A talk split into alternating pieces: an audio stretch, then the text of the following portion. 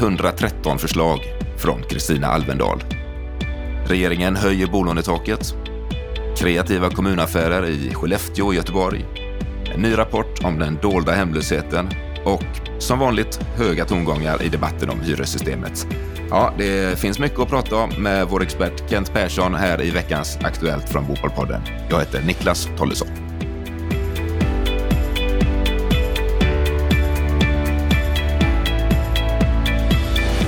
Vi börjar med eh, regeringens nya nyheter som de kom med här på torsdagsmorgonen. Man planerar att höja bolånetaket från 85 till 90 procent och samtidigt tar man bort avdragsrätten för lån utan säkerhet. Det här det ska sänka tröskeln för ungdomar att komma in på den ägda bostadsmarknaden och man ska samtidigt då minska incitamenten för att ta dyra blankolån. Hur, eh, hur ser du på de här åtgärderna Kent? Ja, men det var ett välkommet besked. Jag tycker att det här är bra. Eh, börjar vi med bolånetaket så får ju det här en ganska stor effekt direkt för eh, den som ska köpa sin lägenhet.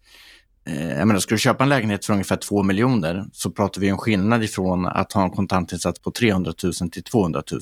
Det är en jättestor skillnad och framförallt då för, för våra ungdomar. Så att det här tycker jag är välkommet och kommer att underlätta för unga att ta sig in på det ägda boendet. Det är bra. Att man också nu gör justeringarna kring ränteavdragen för, för de här blankolånen, det är också bra. Alltså så här, precis som finansministern säger på presskonferensen så är det så att det är alltså inte ett problem i att finansiera sitt boende med lån när man köper det.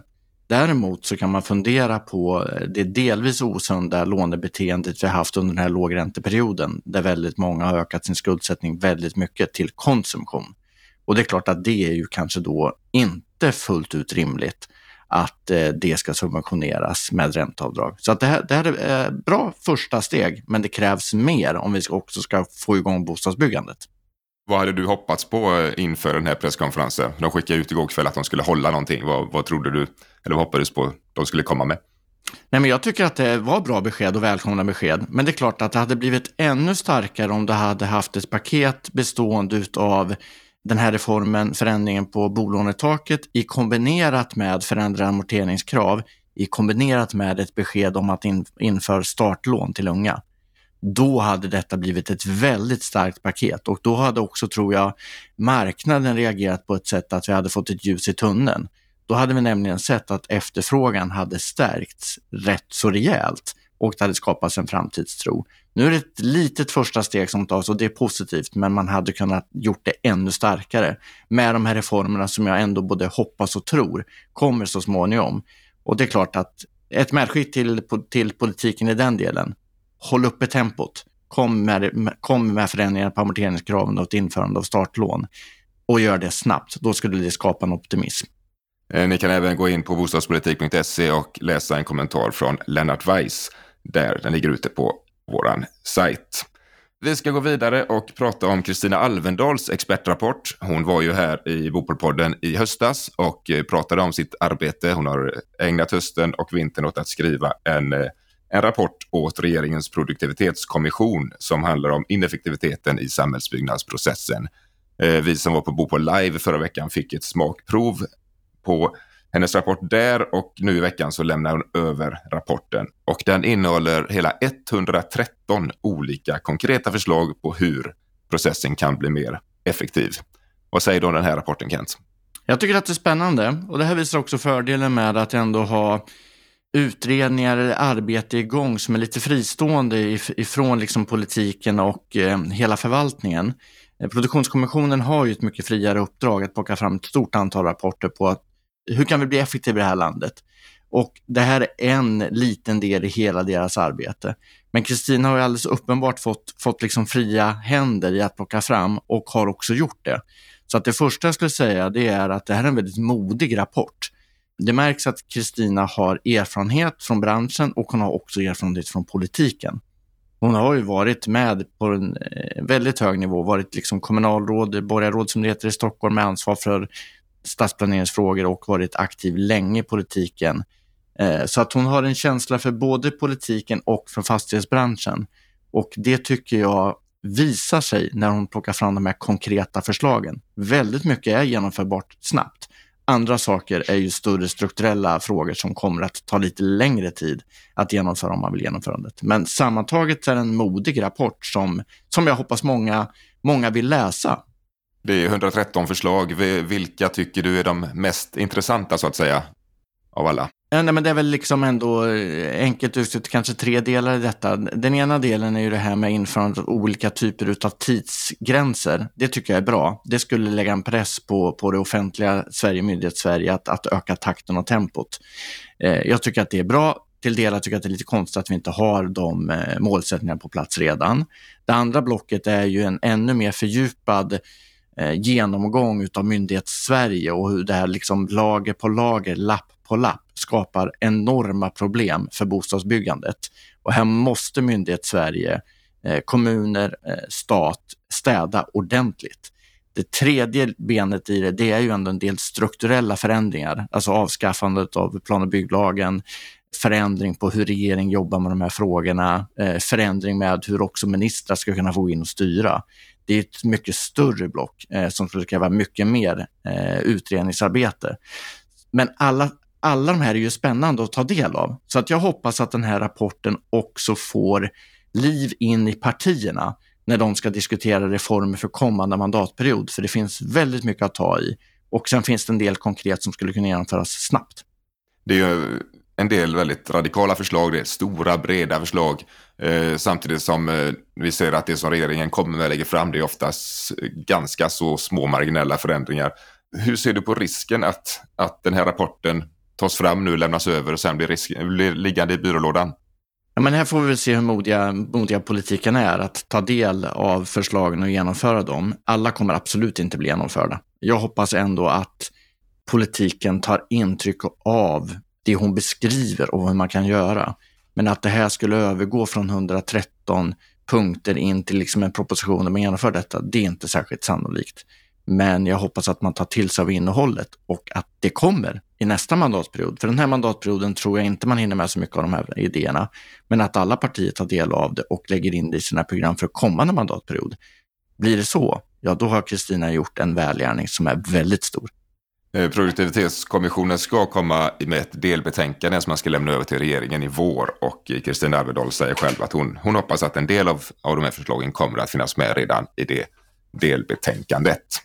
Vi ska gå vidare och prata om Skellefteå där det ju händer väldigt mycket. Northvolt växer snabbt, hela kommunen växer snabbt och det behövs väldigt många nya bostäder Eh, för kompetensförsörjningen inte minst. Och eh, Skellefteå kommun tar nu ett väldigt ovanligt grepp för att lösa sin egen kompetensförsörjning.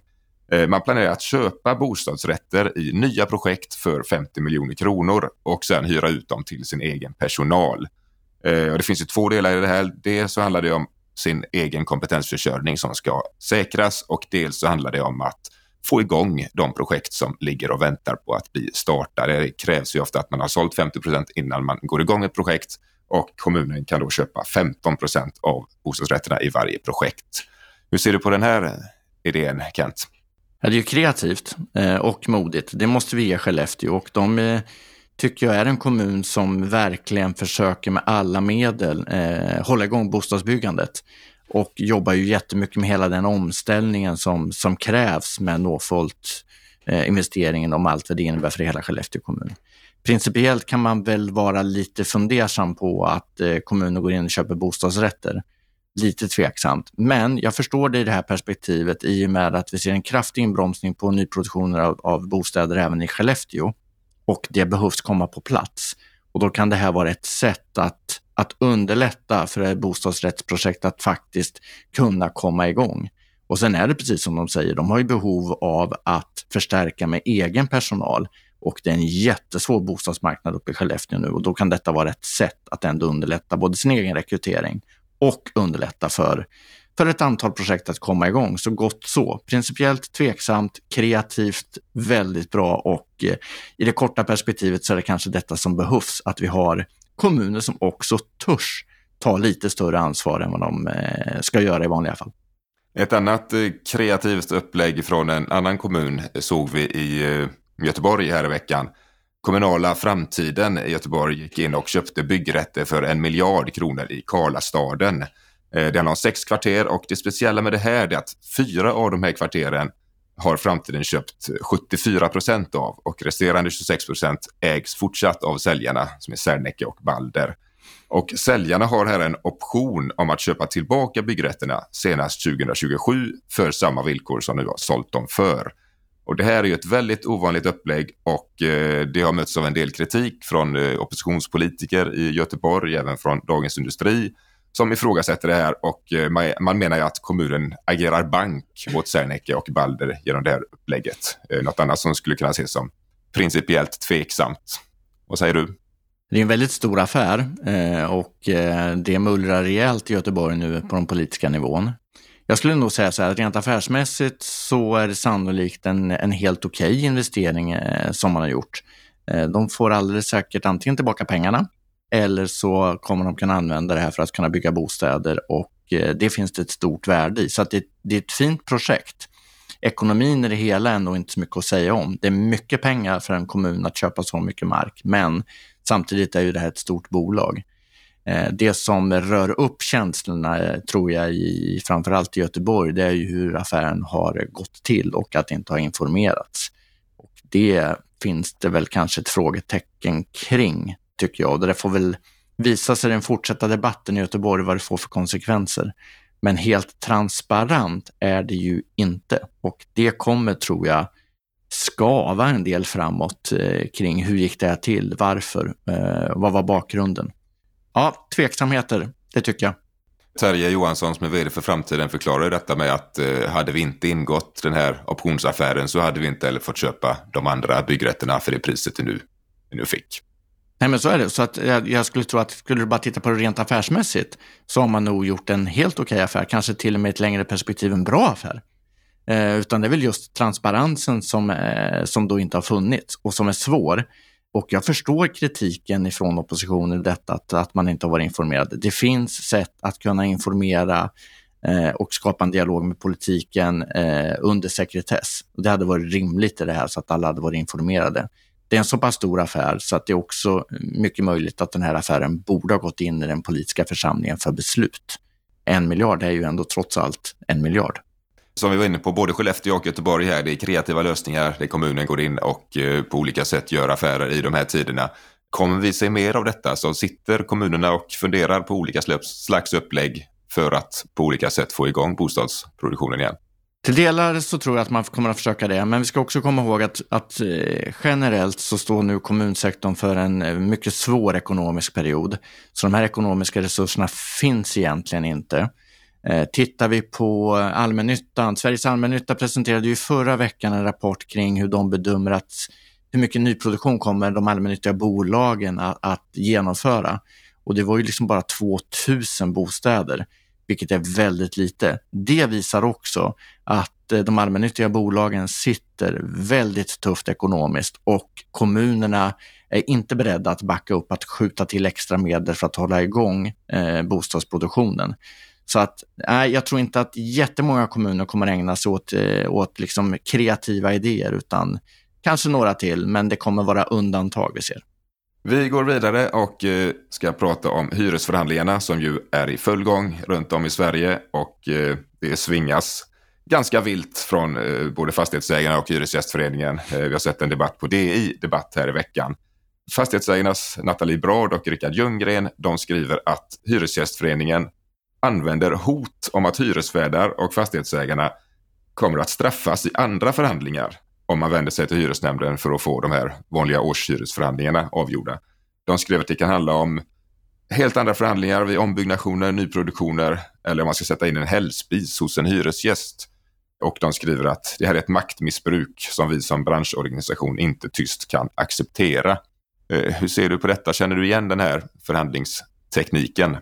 Så vi har ju eh, förhandlingar som har varit väldigt tuffa nu ett antal år eh, och blir allt tuffare. Och då ska man ändå komma ihåg i att eh, när lagstiftningen genomfördes att man ändå skulle kunna gå till en oberoende tvistelösning även för de privata så var ju ändå politiken tydlig med att det här ska finnas på plats, genomföras och accepteras av alla parter.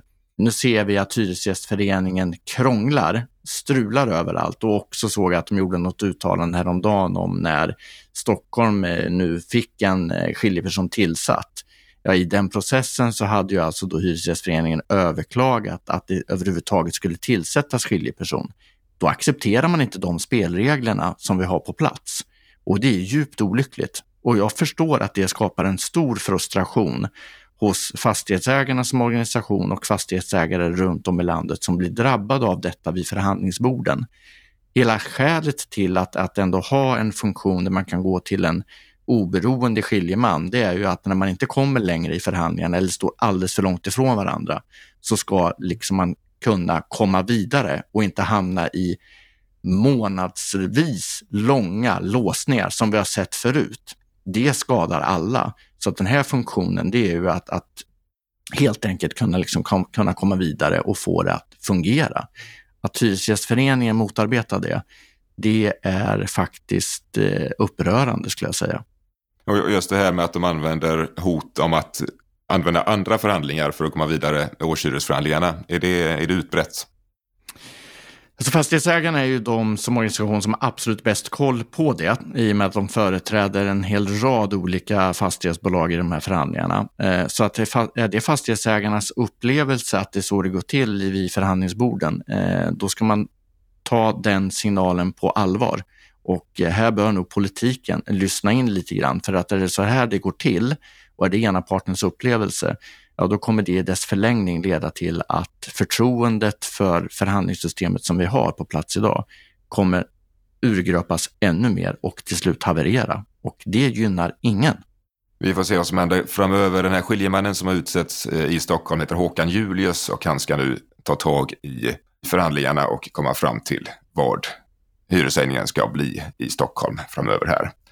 Idag eh, när vi släpper det här avsnittet, fredag, då är det sista dagen för att komma in med remissvar kring förslaget om en ny hyresförvärvslag, eller en ny gammal hyresförvärvslag egentligen, den gamla avskaffades 2010. Det handlar i korthet om att köpare av fastigheter ska kontrolleras innan de får köpa fastigheten. Och syftet är att hindra kriminella aktörer att köpa, men eh, branschen är inne på att detta kan leda till att affärerna tar mycket längre tid och det minskar viljan att investera i Sverige. Kent, du skrev en ledare om detta i tisdags och är eh, väldigt skarpt emot den här lagen. Vad, vad är det som gör att du tycker att den är fel? Ja, men den är problematisk för att den skapar en eh, rättsotrygghet i, i de här eh, transaktionsaffärerna och det skapar problem för hela branschen. Man ska komma ihåg att merparten, den absoluta merparten av fastighetsägarna i, i Sverige är seriösa. Och vi ska också komma ihåg att transaktioner det är en del av att få en fungerande förvaltning i våra städer att fungera. Det vill säga väldigt mycket av transaktionerna handlar oftast om att eh, se till att köpa till ytterligare lite fastigheter för att få en effektiv förvaltning. Eh, det är den ena. Det andra är att man med jämna mellanrum kanske behöver lätta på sitt innehav för att få finansiering till renovering eller nyproduktion. Och det här jobbar både privata bolag och allmännyttiga bolag med. Om du då får ett system där de här affärerna ska prövas och det blir väldigt osäkert i hur prövningen kommer att gå till och du får det här att det här kommer pågå i flera månader, kanske till och med eh, över år, ja, då skapar ju det ju en mindre attraktivitet i att investera i svenska hyresfastigheter. Och det är det sista vi behöver just nu. Det skulle direkt slå på nyproduktionen negativt och det skulle också slå på möjligheten att hitta finansiering för de kommande behov vi har i renoveringar. Så djupt olyckligt. Och min bild är att branschen är ganska enig i den här kritiken. Alltså allmännyttiga bolag har samma, samma syn på detta, för de kommer drabbas lika mycket av det, även om de är undantagna i förslaget. Eh, allmännyttiga bolag får alltså köpa utan att bli prövade, men om de ska sälja, då ska den affären också prövas. Eh, men alla privata ska prövas. Så att alla kommer att drabbas av det på ett negativt sätt. En remissinstans som är positiv till förslaget är polisen och eh, syftet med detta är ju att till exempel förhindra eh, kriminella gäng, Hells Angels från att köpa en fastighet, att etablera sig på en ort. Hur, eh, hur ska man komma åt det? Ja, men precis, och det är väl skälet till att justitie liksom skickade ut det för att man ville få, få känna av och höra. Och då är nog vår bild från branschen, det är ändå det att vi ser och har sett att kriminella nätverk köper villor, eh, bostadsrätter att ta sig in i, vilket är problematiskt, till delar industrifastigheter, men vi ser det inte alls eh, egentligen i någon större omfattning, knappt alls skulle jag säga, i hyresfastigheter. Och det handlar om att det är en helt annan affär. Det är mycket större pengar det handlar om att, att kunna få upp på bordet och det handlar också om att man ska ta hand om fastigheten och förvalta. Och där är inte den kriminella världen än i alla fall. Man behöver nog ha uppsikt för så att vi inte hamnar där. Så att i den delen så missar de här förslagen liksom den delen och det är därför det blir helt oproportionerligt. Man kommer inte komma åt den kriminella verksamheten här, för de finns inte i hyresfastigheter, men man försämrar eh, funktionaliteten på transaktionsmarknaden rejält för de seriösa fastighetsägarna. Så att obalanserat, och det gör också, skulle jag säga det, att jag tror och är förhoppningsfull ändå att när eh, regeringen väger samman remissvaren så kommer man också se att det här är helt oproportionerligt och därmed bör man landa i att inte genomföra den här lagstiftningen. Eh, och det ska jag säga att den här utredningen tillsattes ju av den förra regeringen, av Socialdemokraternas regering. Och det var alliansregeringen som avskaffade eh, hyresvärdslagen 2010. I veckan kom Stadsmissionen med sin eh, årliga hemlöshetsrapport där de beskriver hemlöshetsläget i Sverige. Vad, vad säger du om den här rapporten? Stadsmissionen är ju en av, eh, av många seriösa frivilligorganisationer vi har och eh, Stadsmissionens stora arbete är att de återkommande kommer med de här hemlöshetsrapporterna och eh, däremellan driver ett aktivt arbete för de som har den svagaste förankringen på bostadsmarknaden. Det finns all anledning till att lyssna på den erfarenhet och kunskap Stadsmissionen har. I den här rapporten så pekar man ju ut en grupp som är svår, som, som vi inte mäter och som riskerar, som de också beskriver, att landa mellan stolarna. Man mäter inte att de är, med, eh, riskerar att hamna i hemlöshet och därmed får de heller inget stöd. Och den gruppen växer. Och den riskerar att växa ännu mer nu när vi går in i lågkonjunktur och dåliga tider. Så därför är det bra att man från Stadsmissionen tydligt adresserar det här problemet. Eh, för den diskussionen måste vi nu ta i att här behövs det Eh, konkreta lösningar in mot den här gruppen för att stödja dem så att de inte hamnar i, i hemlöshet. Och det här är ju, skulle jag säga, i mycket hög utsträckning vanliga barnfamiljer vi pratar om. En av nyckelspelarna inom Stadsmissionen är ju numera den förra miljöministern Carolina Skog som jobbar som finansiell strateg på Sveriges Stadsmissioner som ger ut den här rapporten. För nästan två år sedan så lämnade hon över sin bostadssociala utredning till den dåvarande regeringen och nu i veckan så meddelade eh, dagens regering att man går vidare med några av hennes förslag. Det är bland annat förturer i de kommunala bostadsköerna och hyresgarantier till barnfamiljer. Eh, hur ser du på detta? Jag tycker att det är bra. Eh, vi har efterlyft det tidigare i våra poddavsnitt att Karolina Skogs utredning innehåller en hel del intressant som den här regeringen borde ta vid och det är bra att de gör det nu. Förturer i bostadsköerna, bra att det flaggas upp. Kan vara svårt att hantera, men det är ändå en diskussion som behöver tas för att prioritera de som har störst behov. Det som är ännu mer angeläget tycker jag, det är de statliga hyresgarantierna. Och där föreslog ju Karolina Skog barnfamiljer vi hade en diskussion redan då om att eh, jag tyckte att det var lite för smalt. Man borde kunna ta med fler grupper i detta att omfattas av statliga hyresgarantier. Eh, men det är väl bra då att ett första steg tas från regeringen att man vill titta på detta. Och jag hoppas att det kan införas eh, och att man sen vågar bredda det till lite fler grupper. För det här är faktiskt också ett sätt att på ett mycket bra sätt underlätta för utsatta grupper att kunna komma in och få en bostad. Vilka grupper är det du tänker på när du, du vill bredda? Ja, men eh, Karolina Skog har ju pekat, pekat ut barnfamiljer, men det finns ju fler som ligger i riskzonen. En sån grupp som vi, eh, vi har tittat på, det är ju barn och unga som växer ut utanför sina biologiska föräldrar. Det vill säga man är samhällsplacerad, antingen på institution eller i ett fosterhem. Och när de blir 18 så får de klara sig själva. Den här gruppen har väldigt svårt att komma in på bostadsmarknaden statlig hyresgaranti för den gruppen skulle underlätta oerhört mycket för dem att också när de ska flytta ifrån sitt fosterboende till ett eget boende så skulle en statlig hyresgaranti underlätta jättemycket för dem att få en egen bostad. Ja, Carolina Skog var alltså inblandad i eh, en hel del av det som hände den gångna veckan och på måndag så får ni höra henne lägga ut texten mer om det här. Då gästar hon Anna Bellman i Bopolpodden. Då låter det så här. Men med detta så instämmer regeringen i analysen att kommunerna både kan och bör göra mer för de strukturellt hemlösa. Det står uttryckligen i promemorian att detta handlar om åtgärder för människor som inte rörs av socialtjänstlagen. De som inte har någon missbruksproblematik eller? Precis. Så här tycker jag faktiskt att i väldigt byråkratiskt språk finns det en tämligen tydlig signal från regeringen till kommunerna att de både kan och bör göra mer. Det avsnittet släpps på måndag klockan fem och eh, då får ni även höra Kent lägga ut texten ännu mer om den sociala bostadspolitiken och hemlösheten. Eh, stort tack för dina kommentarer idag Kent och tack till alla som har lyssnat och eh, gå gärna in på bostadspolitik.se. Teckna er för våra kostnadsfria nyhetsbrev som kommer ut eh, två dagar i veckan, tisdagar och fredagar. Och ha nu en riktigt fin helg.